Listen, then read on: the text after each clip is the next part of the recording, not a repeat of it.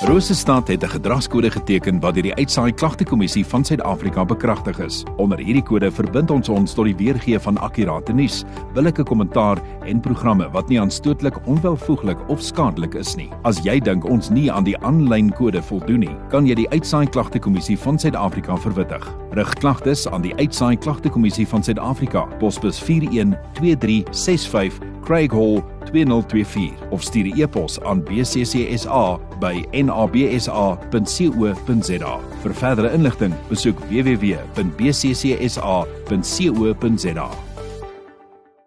Kop nou, dis altyd vir my lekker om hom te verwelkom hier in die ateljee. Dis Werner Botha van die DBV. Werner, goeiemôre, welkom. Dankie vir jou tyd. Haai, goeiemôre. nou Werner, ehm um, as mens nou die die die nuus gelees het uh en bewus was wat om jou aangaan hierdie laaste tyd. Nou die DBV het onlangs was julle aktief besig met veldbrande. Vertel vir ons wat wat het gebeur. Weet jy van die die naweek van die 1ste van die maand af is ons aktief besig. Dit het omtrent so 3 weke geduur. Nou as 'n mens kyk regoor die Vrystaat is al wel oor 200 000 hektaar afgebrand. Ons het spesifiek gewerk in die areas van van Soutpan, van Markwart, Excelsior, Brandfort en in daai omgewings het ons enorme skade gesien. Nie net in terme van van die diere wat hulle lewens verloor nie. Ek bedoel ons het in een naweek moes ons wel oor 200 diere genade dood toedien wat wat eintlik enorm is as 'n mens daaraan dink, maar ook 'n 'n verskriklike groot skade aan weidingsveld en infrastruktuur ook en ek dink nie mense besef altyd wat die langtermyn gevolge is van van infrastruktuur wat afgebrand is nie of of van weidingsvelde nie. Definitief. Nou, wanneer is die veldbrande uh, is hulle onder beheer? Ek is eintlik bang om om dit te sê. Is hulle onder beheer en is daar 'n manier wat ek en die publiek kan help om dit dan te voorkom want hierdie skade is so enorm. Wat kan ons doen? Weet jy nee, dit dit is beslis nie onder beheer nie. Ons het weer gehoor dat daar brande was in in Boshoff en in in Senekal. So dit is nog steeds aktief aan die gang. As 'n mens regtig vra vir vir hulp, moet 'n mens na verskeie partye kyk. Ek dink 'n mens moet kyk na die boere.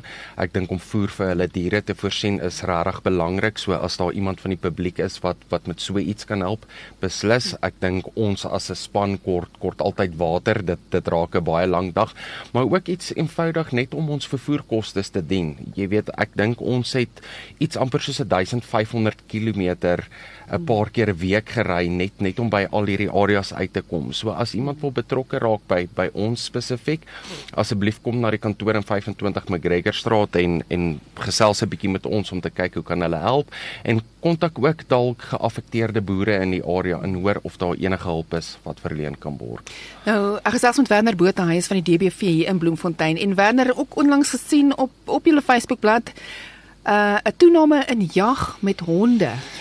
Weet jy ja, hierdie hierdie einste naweek wat wat nou verby was, het ons weer die eerste van twee insidente in Botawil ehm um, gerapporteer. So in totaal is daar 11 mense gearresteer en 24 honde gevat. Nou ons het 'n enorme toename gesien in die Botawil area. Wat dit 'n bietjie kommerdwekkend maak is die eerste van die twee insidente wys elemente van kriminele organisering. Dit is nie jou informele sektor wat wat net jag nie, maar dis professionele mense wat dit georganiseer het. 'n Mens kan ook sien daar's 'n groot hoeveelheid geld betrokke. So die insidente volg na menige diere gejag is. Die die naweek het ons 5 eystervarke gekry en die naweek van die 10de menige duikers wat hulle dan nou ook gejag het. Nou wanneer in vol informele jag, uh, is dit algemeen en wat sou die strafregtelike gevolge nou nou wees van van van daarvan? Die die wet is eintlik baie mooi geskryf en daar's eintlik twee aspekte van die wet wat gewoonlik inkom. So die eerste is die Vrystaatse Natuurbewaringsordonnansie wat vonnisse van 'n boete van tot 100 000 rand kan kan bied of 10 jaar tronkstraf. Maar baie keer sien 'n mens laat daar 'n gedeelte van die dierebeskermingswet ongeag ook ook betrokke is.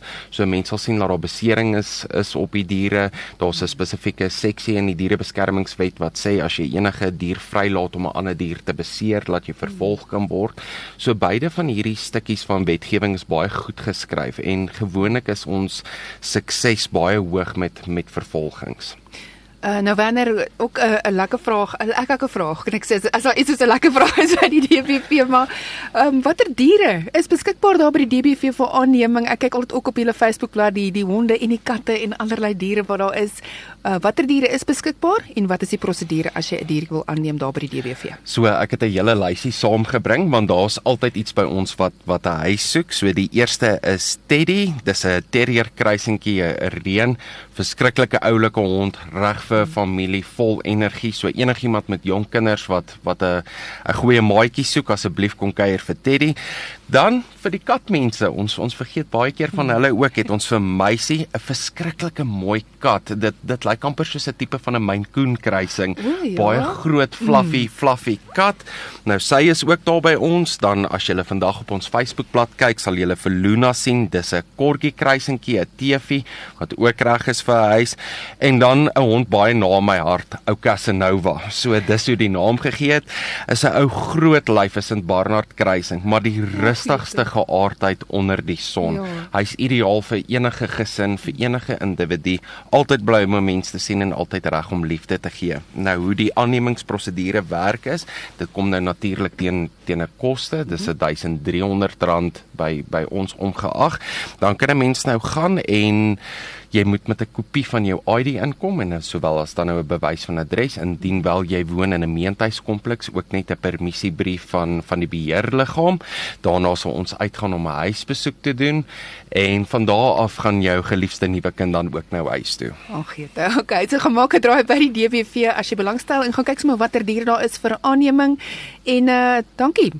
Werner Botha van die DBV wat ek kom gesels het vanoggend en na die veldbrande, ek dink ook ehm um, sommer net van my kant af wat ek wil byvoeg. As jy 'n vuur maak, asseblief doen dit uh, verantwoordelik. Kyk wat jy doen met daardie vuur want net so 'n klein vonkie kan groot skade maak. Verseker en en iets so klein soos 'n sigaretstompie by die hmm. by die ruit uitgooi, die brand van jou jou lande. Wees baie versigtig, wees oplettend en wees altyd verantwoordelik met enigiets in daai lyn. Dankie Werner, ons gesels weer. Baie dankie.